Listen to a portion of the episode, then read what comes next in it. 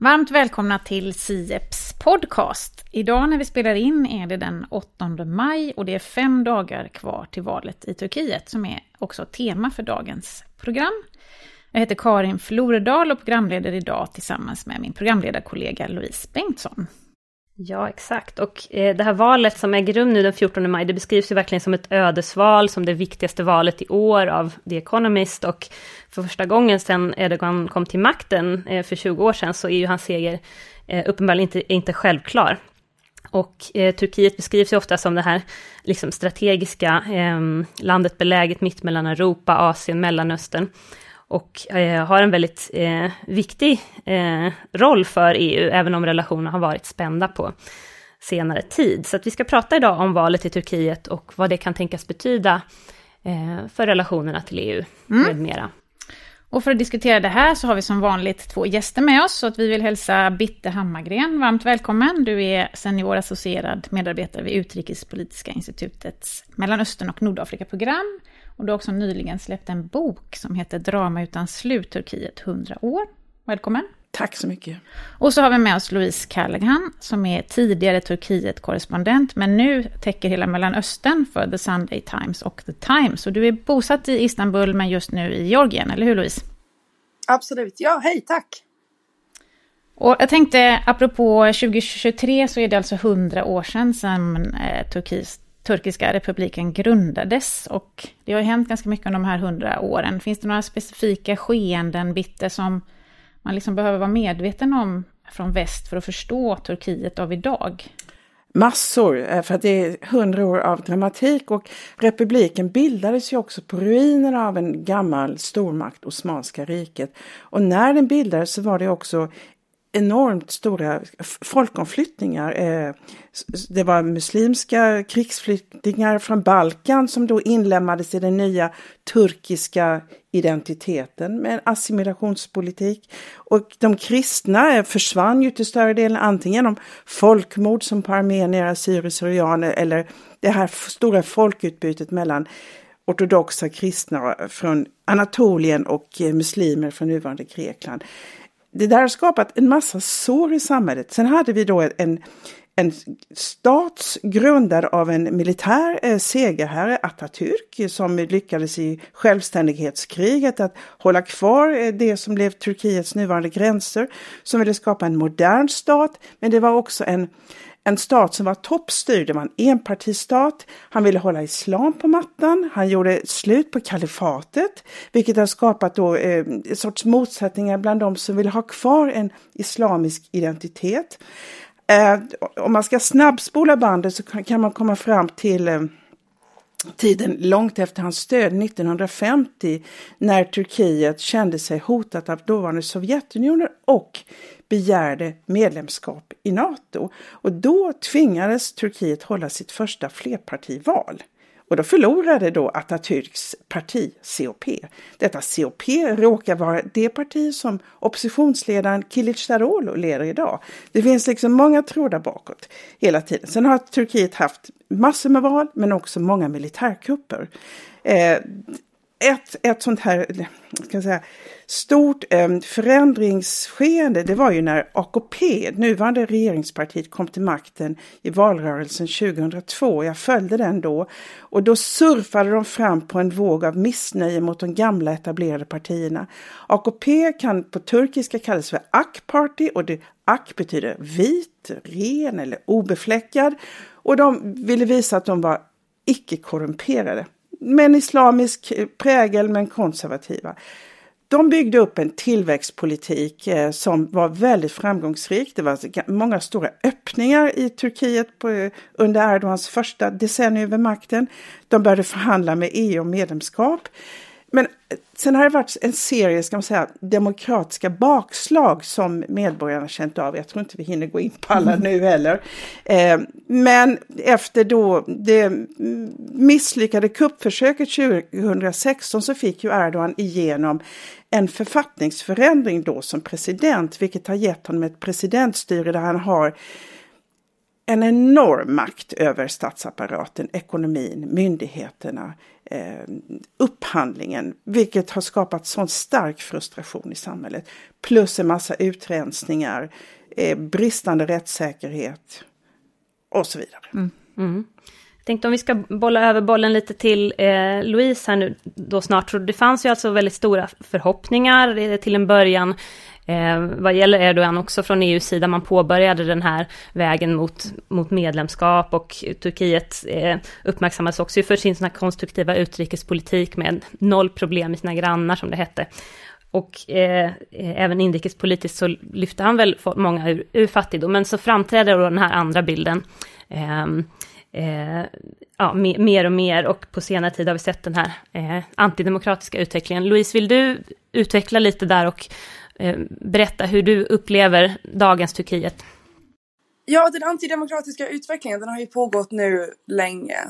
Men det som slår mig väldigt, väldigt mycket nu med, den här med de här valen är att det är första gången som jag hör väldigt konservativa eh, AKP-röstande turkar börja klaga på det. För innan så, så var det ju så, alltså jag, jag upplevde det mycket för några år sedan att när journalister blev fängslade och folk blev arresterade. Det var ju tiotusentals som blev arresterade efter, eh, efter den här statskuppen i eh, 2016. Alltså då var det mycket Erdogans bas tyckte, ja men det var ju bra, de, är ju, de, de ska absolut fängslas, de är terrorister.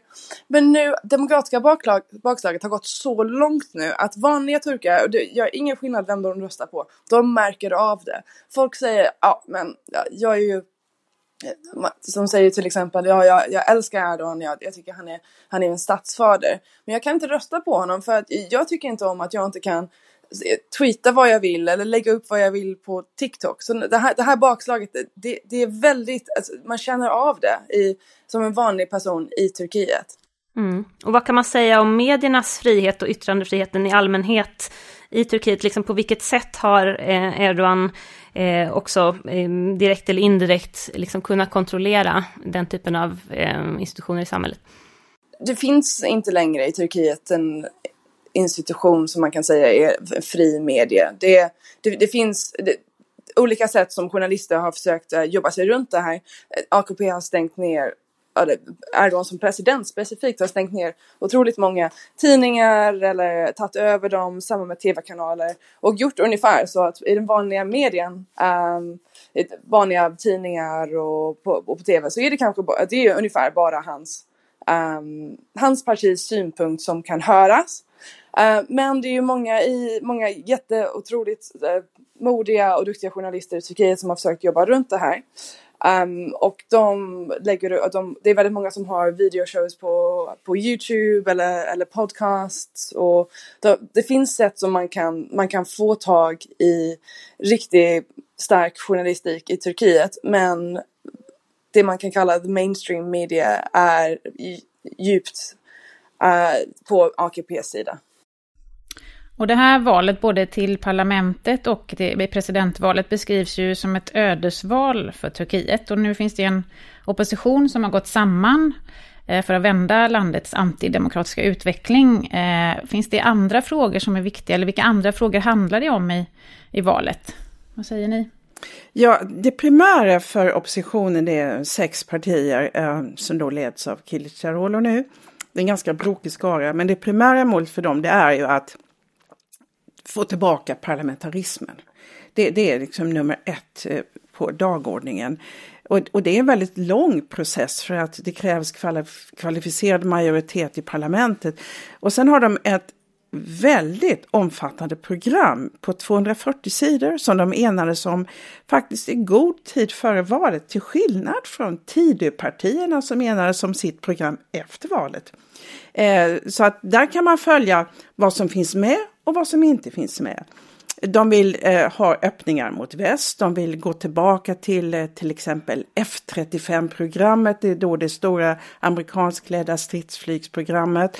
De vill ha, eh, eh, öppna Turkiet igen för utlandsinvesteringar för att marknaden har ju ingen tilltro till det sätt på vilket Turkiets ekonomi styrs nu med Erdogans så kallade oortodoxa syn på inflationsbekämpning. Alltså ekonomin har störtdykt, det är hyperinflation, liran har fallit och trots att det är hyperinflation så har han då försökt hålla räntorna nere. Så nu måste oppositionen i så fall visa tilltro till eh, turkisk ekonomi.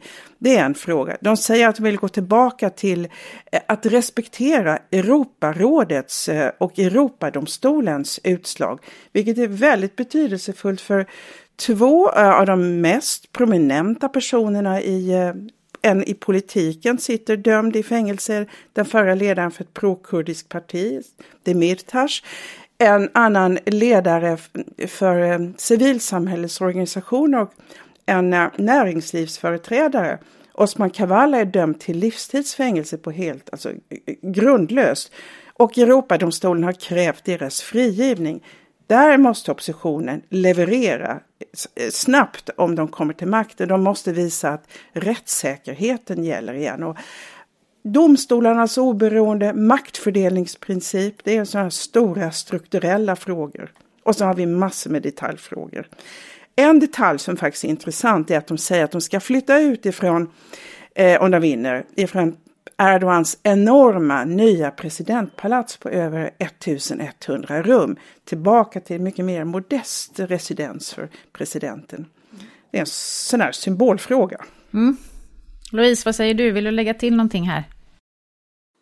Ja, jag tror att vi i väst, vi tänker så mycket på Turkiets äh, demokratiska urholkande och hur um, Erdogans auktoritära planer för landet. Um, i Turkiet så det är klart folk, folk bryr sig om det. det. det. är en viktig fråga.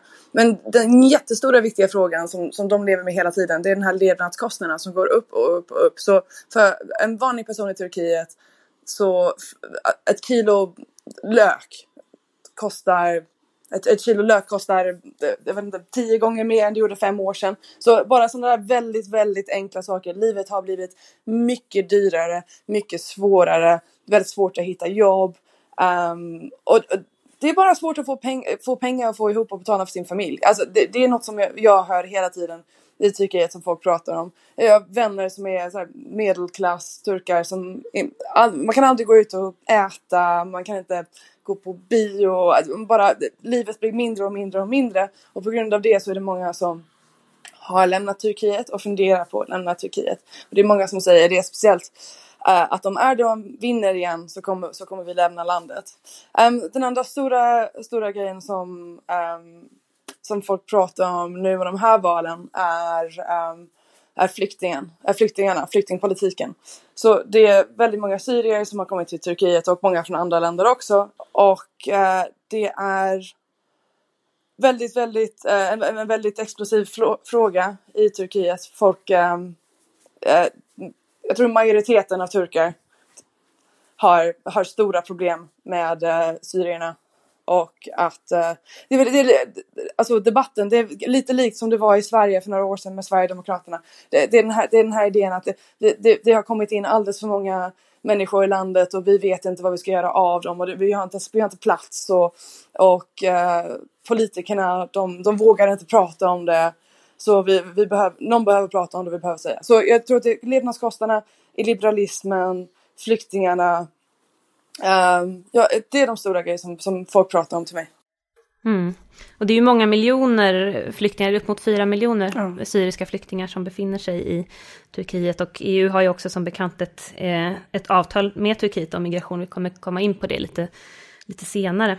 Men om, vi ska prata lite också om eh, oppositionskandidaten då, Kemal Kılıçdaroğlu och eh, hans profil. Jag, jag, vet att du Louise har skrivit en, en eh, krönika också just om hans, eh, hans personlighet och bakgrund. Du får gärna dela lite detaljer. Jag vet att han eh, spelar in från sitt kök och han har väl också gjort den här löken till en, en valfråga eh, på ett eh, väldigt smart sätt. Så dela gärna någonting kring det. Ja, så Kamal Kılıçdaroğlu är nästan så anti är som, som Erdogan är stark och bombastisk och karismatisk och skrikig så är Kılıçdaroğlu är väldigt tyst, han är blyg, han är fokuserad um, på att få folk tillsammans och på enhet. Så det, det är en, han är liksom en, en totalt annorlunda karaktär och det på något sätt tror jag är eh, kan vara väldigt, väldigt attraktivt för, för vissa röstare och and, andra tycker ju nej men varför skulle jag rösta på honom? Han är, han är så, så blek och, och hopplös och han är inget liksom go med honom ungefär så, så, så säger många röstare. Men eh, han kommer från eh, Dersim i, i östra Turkiet, från en väldigt, väldigt liten by där. Um, jag var där för några veckor sedan och, um, och hälsade på den familj som han har kvar där. Jag pratade med hans bror. Ehm, um, Kilsarolo, han är väldigt, väldigt intressant. Han, äh, familjen är Alevi som är en uh, form av islam uh, som är väldigt liberal och där man, man kan dricka alkohol och kvinnor behöver inte täcka håret. Um, de ber inte i en moské. Um, och eh, det, Alevi, um, ehm, al, aleviska människor, alevier, um, de utgör um, ungefär 15 procent av uh, Turkiets population. Men de har innan blivit um, trakasserade, attackerade, utsatta. Uh, speciellt av nationalister i, uh, i föregående decennier. Så nu är det ju en helt otrolig idé att en Alevi skulle kunna bli president av Turkiet. Um, som Bitte pratade om innan så har ju Turkiet haft en otroligt turbulent och blodig historia med sina minoriteter. Nu så är uh, den absoluta majoriteten av människor i, Turkiet uh, muslimer. Um, men idén av att en av de här minoriteterna och hans familj har också en väldigt blodig historia. Han hade 40 olika uh, släktingar som blev mördade när eh, turkiska armén um, tog repressalier mot rebeller i, uh, i Dersim på 30-talet. Um, ehm, så han är väldigt fokuserad på, han är väldigt, han är väldigt tyst, han är väldigt mjuk i, i sitt sätt och han har lyckats få ihop de här sex oppositionspartierna mot Erdogan, vilket man kan tycka vad som helst om honom som människa, men det är ju ett imponerande, helt diplomatiskt sätt att han har fått ihop dem och att de har kommit överens om vad de vill att landet ska se ut som. Mm.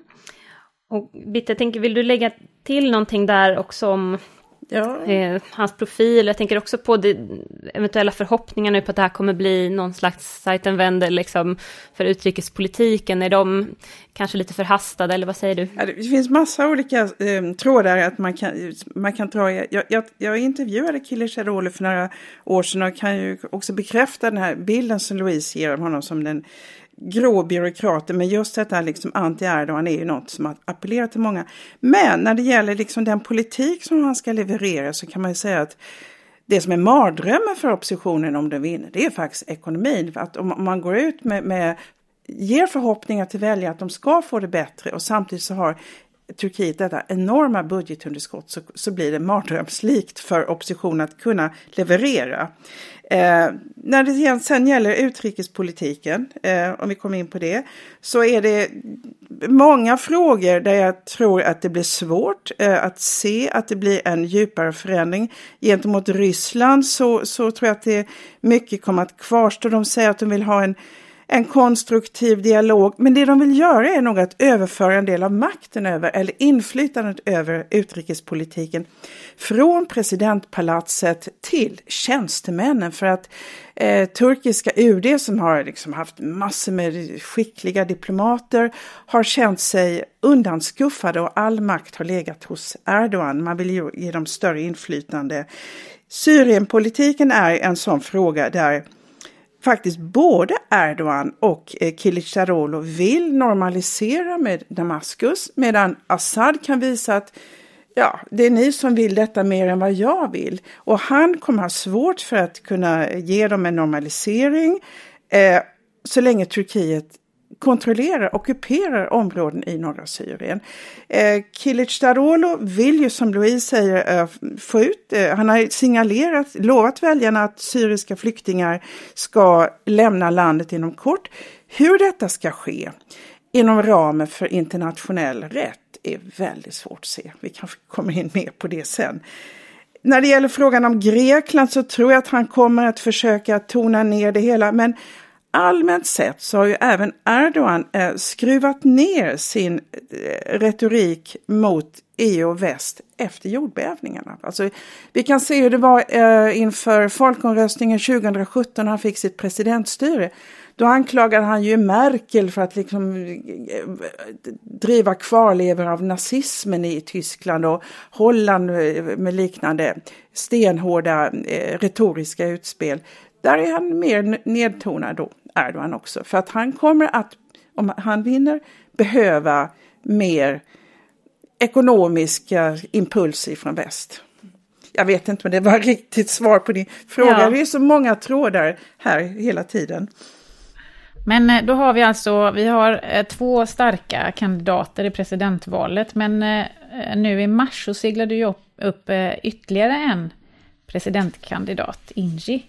Vad betyder det att han nu är med i spelet också för oppositionens möjligheter? Ja, det splittrar ju rösten, alltså det minskar Kilic möjligheter att vinna i första valomgången. För att vinna där måste man få minst 50 procent, annars går det till en annan valomgång. Ingi eh, var ju eh, oppositionens eh, presidentkandidat i förra valet 2018. Och det de liksom lägger honom till last det var att han erkände sig besegrad omedelbart på valnatten. Eh, det, det är många som är bittra över honom i, i den frågan. Så de, det är många som ser honom som en splittrare eh, som plockar röster ifrån Kilicdaroglu i presidentvalet. Mm.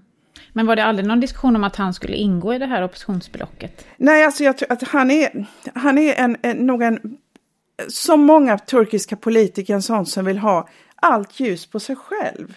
Det här är inte alltid partier som är, de är inte folkrörelsebaserade utan det är liksom uppifrån och ner. Och det är därför när ledarna försvinner så kollapsar ofta partierna historiskt sett i Turkiet.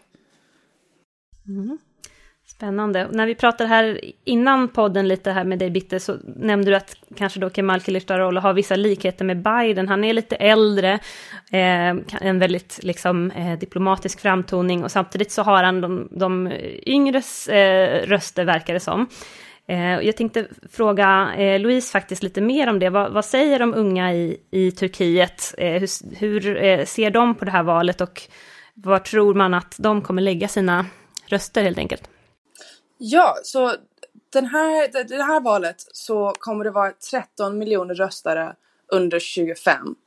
Och ungefär hälften av dem så är det deras, det första gången de kommer rösta. Så deras röster är otroligt viktiga här.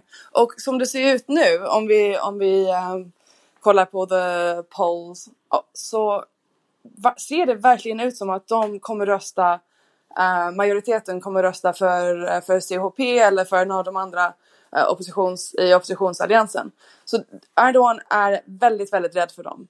Um, det, det, är, det, det, har varit helt klart att AK Party inte har lyckats få tag i liksom the, um, säger man, the imagination. Uh, att, att, att han liksom inte har, fått, kan, har lyckats inspirera unga röstare. Han har inte lyckats få dem på hans sida.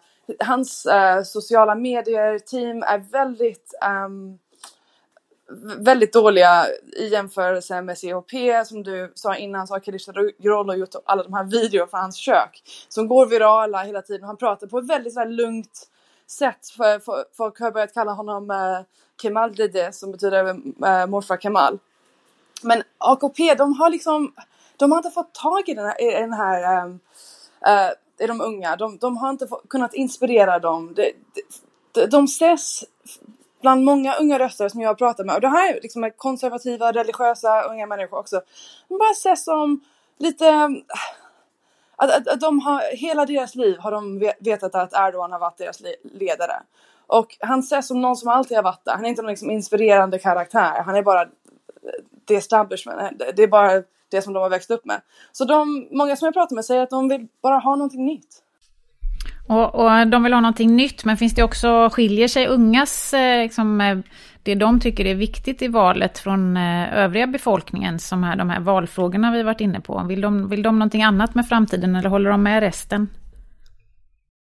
Ja, det, det, är som, det är väldigt många unga som har tagit upp det här med att de inte kan uh, skriva vad de vill på Twitter eller lägga upp vad de vill på TikTok. Det, det, den här illiberalismen um, är mycket, slår mycket hårdare tror jag på unga människor än det gör på än det gör på många äldre. Bara för att de använder sociala medier mer. De är liksom mer en del av den uh, digitala världen och de läser mycket grejer från, från olika ställen och de här, um, speciellt TikTok är jätte, jätteviktigt i de turkiska valen. Um, vi pratade lite, lite tidigare om det att uh, om att Inge har gjort den här dansen. Han gör en dans som har gått viral på TikTok och det gör att jättemånga unga säger att de kommer att rösta på honom. Mm. Uh, men AKP har ju inte jag har inte sett några så jättevirala videor från dem eller jag har inte sett något um, något som riktigt slår igenom till, uh, till unga människor. Och vad, vad, skulle du säga så här, om människor ser fram, äh, ungdomar ser framåt? Vad, vad, hur ser de framtiden i Turkiet, tror du? Ja, under, med den här kost, levnadskostnadskrisen så är det väldigt svårt att se en framtid, tror jag, för, för många. Um, jag pratar med många unga människor som säger att ah, jag hade tänkt studera på universitet, men varför ska jag göra det? Jag kommer inte kunna få ett jobb. Jag, jag kommer inte kunna få bra betalt. Jag, jag kommer få 7000 lira i månaden. Det är liksom inte värt det. Så det är många som, som funderar på att lämna landet. Om, om de kan göra det. Um, så jag, jag har träffat många unga människor som håller till exempel på att försöka lära sig, lära sig kinesiska.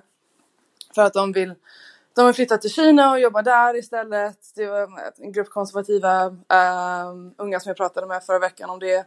Det är många som bara inte, de ser inte, de ser inte en framtid i landet. Mm.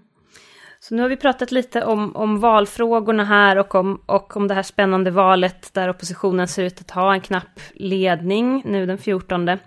Och, eh, men att det här kanske ändå då kommer gå till en andra valomgång eh, efter det. I presidentvalet alltså, sen har vi också parlamentsvalet som äger rum eh, samma dag som presidentvalet. Eh, jag tänkte vi ska gå över lite till EUs relation till Turkiet, eh, som ju inte har varit helt okomplicerad på senare år.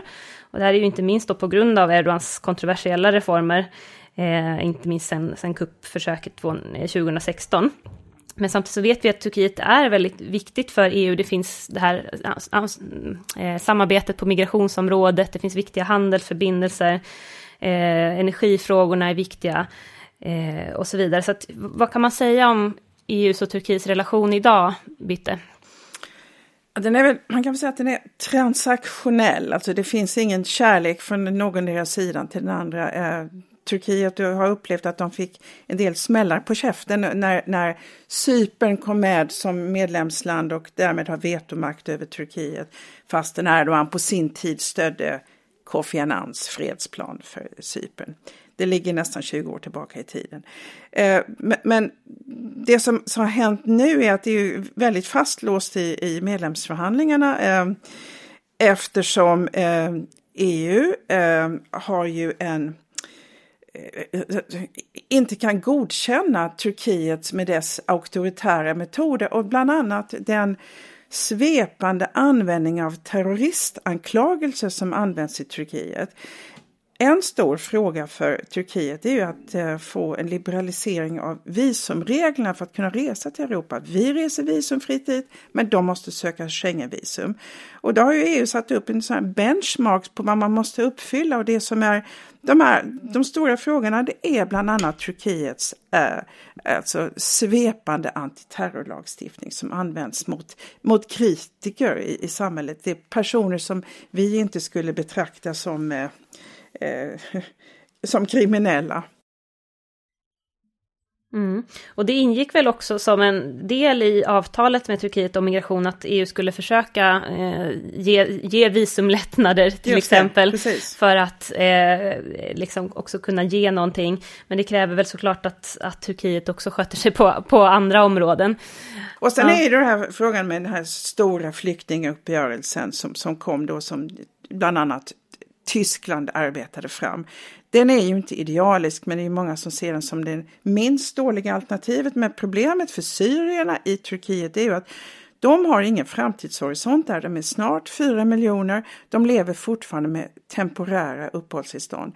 De har eh, väldigt små utsikter att få eh, arbetstillstånd också. Och allt det där skapar ju jättestarka motsättningar mellan de fattigaste turkarna och de fattiga syrierna. Så att det är en social spänning där. Och det leder ju samtidigt till att Turkiet har fått en ny dimension av sin mångkulturalism. Det är inte bara leviter, religiös minoritet och kurder, utan nu är det även allt fler arabisktalande som ju inte har något annat land att leva i egentligen, men de är, eh, har inga permanenta uppehållstillstånd. Och det där är en jättesvår fråga för att e- EU att fortsätta med också i den här migrationsuppgörelsen för att eh, förhoppningen var ju att de skulle kunna återvända till Syrien men hur ska det kunna ske utan att det blir traumatiska massutvisningar, det är svårt att se. Mm. Och det, bara för att förtydliga, alltså det stöd som EU ger Turkiet eh, i utbyte för den här hanteringen av, av, av flyktingarna, det är alltså utvecklingssamarbete eller det är pengar som går till till flyktingarna helt Ja, alltså det går ju mm. inte rakt in i den turkiska statskassan. Och, och hela det här beloppet på 6 miljarder euro är så vitt jag vet inte helt utbetalat än utan det går till eh, Eh, byggande av skolor, det går till vad jag vet lärarlöner, det går också till familjer, flerbarnsfamiljer. Eh, så att det är öronmärkt på olika sätt, det går till olika FN-organ, det går inte in i statskassan direkt. Men Turkiet behöver de här pengarna. Så att, jag menar, vi kan komma ihåg när, när det skulle omförhandlas för några år sedan. Då öppnade man plötsligt kranen eh, mellan Turkiet, Grekland, Bulgarien och så var det en massa flyktingar som kom över gränsen den vägen. Det var för att sätta tryck på Europa också i omförhandlingen. Och det är klart att flyktingfrågan i Turkiet, Turkiet som ett stort transitland, har ju en sån påverkansmöjlighet på Europa också. Mm. Och om vi släpper in dig, Louise, hur, hur ser eh, invånarna i Turkiet på EU efter eh, de här åren av, av, av lite mer eh, spända relationer? Vad kan man säga om, om deras attityder mot, mot väst och mot EU generellt sett? Ja, alltså de, de som kollar på äh, statlig tv och läser AKPs tidningar, de är ju väldigt äh, ja, hostila mot, mot EU. Um, ehm, och jag, jag, får det ju hela tiden när jag, jag är ute och jobbar och Eh, prata pratar med folk och introducerar mig själv som, eh, som, som, journalist. Så får jag ju hela tiden den här reaktionen av ah, ni, ni i väst, ni, ni, är bara, ni, ni vill att Turkiet ska falla. Ni, det är liksom en komplott. Idén av, av att det är liksom en komplott i väst. Att, de, att Turkiet är, är för starkt under Erdogan så att, att de ska försöka ta ner det på vilket sätt som helst. Um, så ungefär så ser, ser många som stödjer Erdogan mot, uh, mot EU. Samtidigt så är folk också jättearga att det blir svårare och svårare att få visum till Europa. Det kommer upp hela tiden för att um, just nu så eh, Erdogan har börjat ett, um, ett program där man kan sälja, han säljer i princip turkiska pass. Um, som om man köper ett hus i Turkiet ska man få pass. Så på grund av det så har eh, EU och många andra uh, många länder runt i världen dratt åt uh, visa uh, reglerna, vis visumreglerna mot turkar. Så det, det, är svårt just nu att få ett um, om man är turk och får visum till, eh, till Schengen. Um, så det, det har um, folk arga över det. Um, men såklart så finns det jättemånga i, uh, i Turkiet som, som hade väldigt gärna haft närmare och bättre relationer med EU och med väst och de hoppas nu att om uh, oppositionen vinner så kommer det gå tillbaka till en mycket mer, ja, en, en nära relation uh, istället för en, en, uh, en hostil relation som det har varit under, under Erdogan. Mm, och eh, med tanke på valet då och relationerna mellan EU och Turkiet, vilka möjligheter, om det nu oppositionen vinner presidentvalet, vilka möjligheter har man i att förändra relationen till EU? Stora, tror jag. Ja, förlåt, Nej, fortsätt du Louise.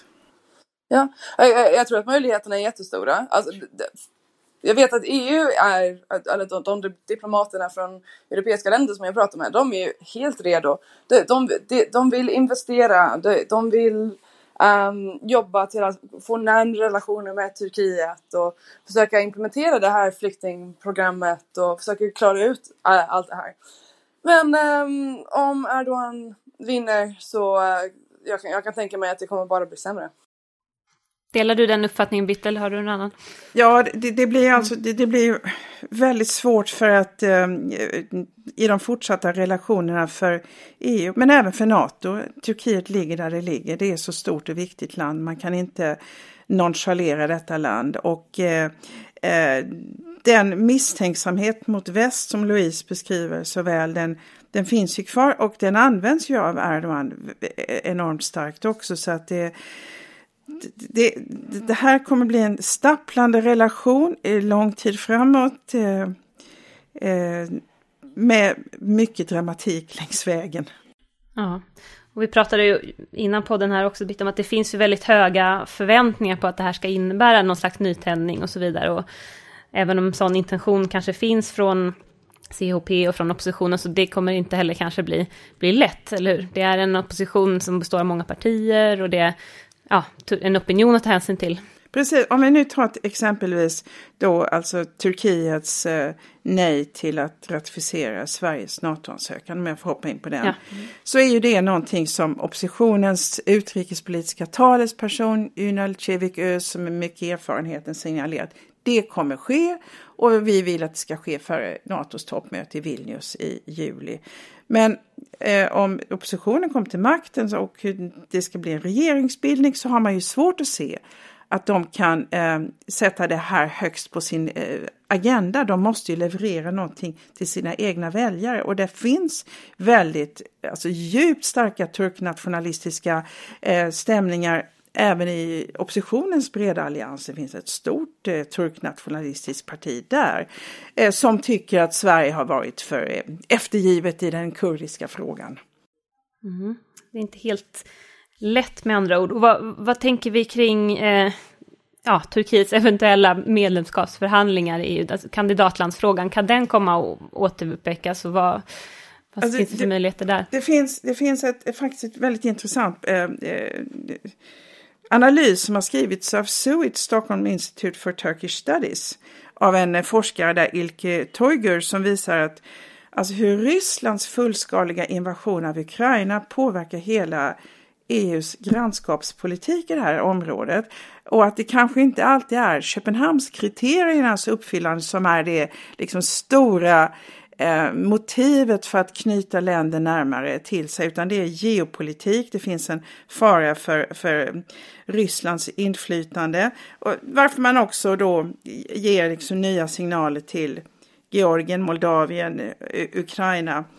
Eh, och Nordmakedonien och Albanien har fått eh, kandidatstatus och Bosnien-Hercegovina har utlovats kandidatstatus då är frågan om Turkiet inte känner att det finns en EU-horisont för dem, kommer de att bli EUs rivaler på västra Balkan? För Turkiet har väldigt goda nära relationer till Albanien och Bosnien och så vidare. Så att jag tror att eh, även för Turkiets del så öppnas nu möjligheterna ändå till, eh, till, till, till bättre EU-relationer av geopolitiska behov. För att det, det behövs. För det, vi befinner oss i ett sånt skakigt läge. För att annars, alternativet är ju att Turkiet trycks ännu mer mot de illiberala staterna, ännu mer mot Ryssland, mot Kina, blir mer som Centralasien. Och då tänker jag på om, om Erdogan kommer att vinna valet och sitta kvar. Mm. Det finns ju också olika eh, positioner, tänker jag, bland medlemsstaterna i förhållande till Turkiet. Kommer det fortsatt spela någon roll? Ja, eh, jag egentligen tror jag att ni här kan liksom EUs inre liv bättre än vad jag kan. Men det finns ju starka antiturkiska stämningar i fransk politik, det har vi ju sett genom åren. Eh, I Österrike också. Tyskland har ju tidigare liksom sagt att de vill ge Turkiet ett privilegierat partnerskap i, eh, i EU. Alltså, och, och, och, Turkiet är ju så stort, det, är så, det, det, det är, har så stor befolkning så skulle de få en, ett EU-medlemskap så skulle hela maktfördelningen i parlamentet och i rådet förändras väldigt starkt också. Så att det ligger dem i fatet. Plus naturligtvis den religiösa frågan. Eh, eh, EU har Eh, många kommer ha svårt att tänka sig att ett så stort muslimskt land skulle bli en, europeisk, en del av Europeiska unionen medan andra tycker att det vore bra för Turkiets demokratiska utveckling. Mm. Det gäller ju att Turkiet vill själva också, får vi se. Eh, det är många år kvar kanske innan det. Ja, det är ju väldigt långt fram. Mm. Det blir långa processer. Långa processer. Och det blir spännande att följa valet på söndag. Ja, mm. exakt. Jag pratade faktiskt med en turkisk eh, vän och han sa att han skulle själv åka ner och rösta i Turkiet i sin region för att han hävdar att valsystemet har också förändrats på ett sätt som gjorde att hans röst spelade tydligen större roll, lite marginellt större roll om man la den i Turkiet. Mm -hmm. Jag såg annars ett, ett inslag på svenska nyheter när förtidsröstningen öppnade i Stockholm, eller i Sverige, utom, utomlands överallt kanske. Att det var väldigt många timmars kö. Ja, jag känner folk som köade i sju timmar. Ja. Eh, många är ju faktiskt lite upprörda över att det bara finns en vallokal i Sverige, det är bara mm. i Stockholm. Mm. De som är i södra Sverige kan åka till Köpenhamn. Mm. det är ju en majoritet av de röstande i Sverige har ju i tidigare val röstat mot AKP. Mm. Eh, en del ser någon sorts bevekelsegrund i detta medan man i, Turki i Tyskland har väldigt många vallokaler och där är det mest. Men en sak som jag tycker är intressant att påpeka det är vad som kan hända i jordbävningsområdena. Det är ju liksom 50 miljoner människor som lever i de provinser som drabbade jordbävningarna. Eh, de som har lämnat sina hemprovinser har ibland svårt för att kunna komma hem och rösta i sin hemprovins. De är inte folkbokförda på nya platser. Och så också frågan om vad som händer med alla um, saknade. Man talar om, de är inte registrerade de som är saknade efter jordbävningen. De kan vara över hundratusen tror många. Därför finns det farhågor om att eh, någon kan rösta i uh, icke dödförklarade personers namn. Så det här ställer jättehårda krav på valövervakningen också. Mm. Runt om i landet i varje vallokal. Mm. Och du Louise, du kommer ju åka ner precis som Bitte eh, tillbaka nu till Istanbul där du bor och eh, följa valet. Vi har hört att det har varit ganska våldsamt också eh, nu här under helgen. Vad, hur tror du att din vecka kommer se ut? Ja, um, de här, alltså, hela retoriken runt valet och uh, attackerna som uh, speciellt regeringspartiet har, har gått på. De, jag tycker att de uppskruvas mer och mer och mer nu. Så det, det jag tror att om det, kommer, om det blir två valomgångar, så de här två veckorna mellan den första och den andra, då kommer vi se att Erdogan tar till allting som han kan för att vinna. Och det kommer ju alla, alla sidor göra, men det, det är många som jag pratar med som är rädda att det här kan gå i överstyr, att den här retoriken Uh, väldigt arga, väldigt bombastiska retoriken som framkommer uh, skulle kunna leda till, uh, till, till fysiska attacker då. Så um, jag vet inte, jag vill inte säga att det här definitivt kommer hända, men det är något som, som folk är väldigt rädda för. Mm. Mm. Och det återstår att se sen också om valresultatet accepteras etc. Mm. Alltså, när jag pratar med AKP-politiker i Ankara så säger alla 100% han kommer acceptera resultaten. Erdogan kommer acceptera resultaten. Om det kommer ut på TV att han har förlorat så kommer han, så kommer han acceptera det. Men frågan är lite mer tror jag om, liksom, om, om det är möjligt att manipulera rösterna genom, på andra sätt som, som Bitt pratade om innan det här med eh, folk som har blivit, blivit eh, eh, displacerade från eh, jordbävningen. Eh, hur, hur kommer de kunna rösta? Är det möjligt att försöka, eh, försöka manipulera valresultaten med några procent fram och tillbaka? För det, är ju, det kanske är allt som ligger i det. Det kanske är några hundratusen röster som kan göra skillnaden. Mm. Och Erdogan kontrollerar ju valmyndigheten som har sista ordet. Han har handplockat ledamöter till den. Mm. Ja, det är många som vi inledde avsnittet med, så är det många trådar här att ja, det är följa, många. även kopplade till valet. Mm. Hörni, Bitte Hammargren och Louise Callaghan, varmt tack till er båda för att ni var med i det här avsnittet av Sieps podcast. Tack!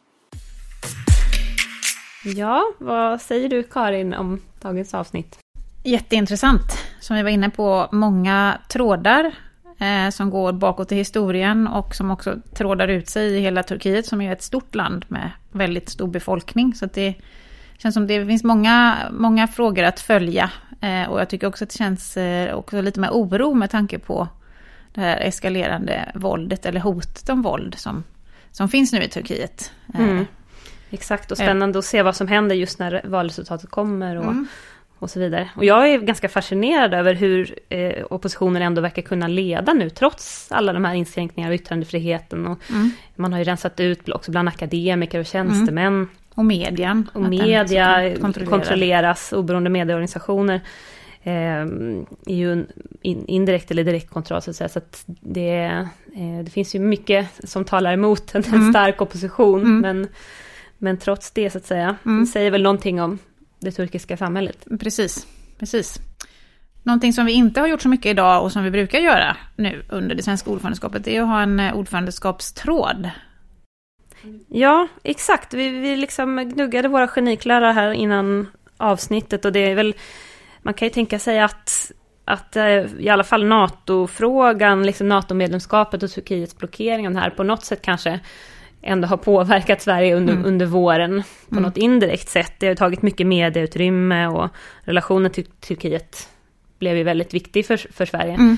Ehm, ja, vi hade också, såg efter jordbävningen till exempel att Sverige tog ett initiativ väldigt snabbt som ordförande till en stor givarkonferens och bidrog med stöd på andra sätt. Och Mm. det här stödet vet vi var väldigt uppskattat och Bitte nämnde i podden också att det bidrog till att eh, um, ja, eh, tina upp relationerna lite, lite grann Mm. eh, efter den här fruktansvärda Mm. jordbävningen. Mm. Ja, precis. Det finns med, men, men inte på det sättet som vi har brukat prata om Nej, ordförandeskapet. exakt. Ja, men eh, då avrundar vi eh, den här veckans podcast om Turkiet och valet. Tack till alla lyssnare. Tack för idag.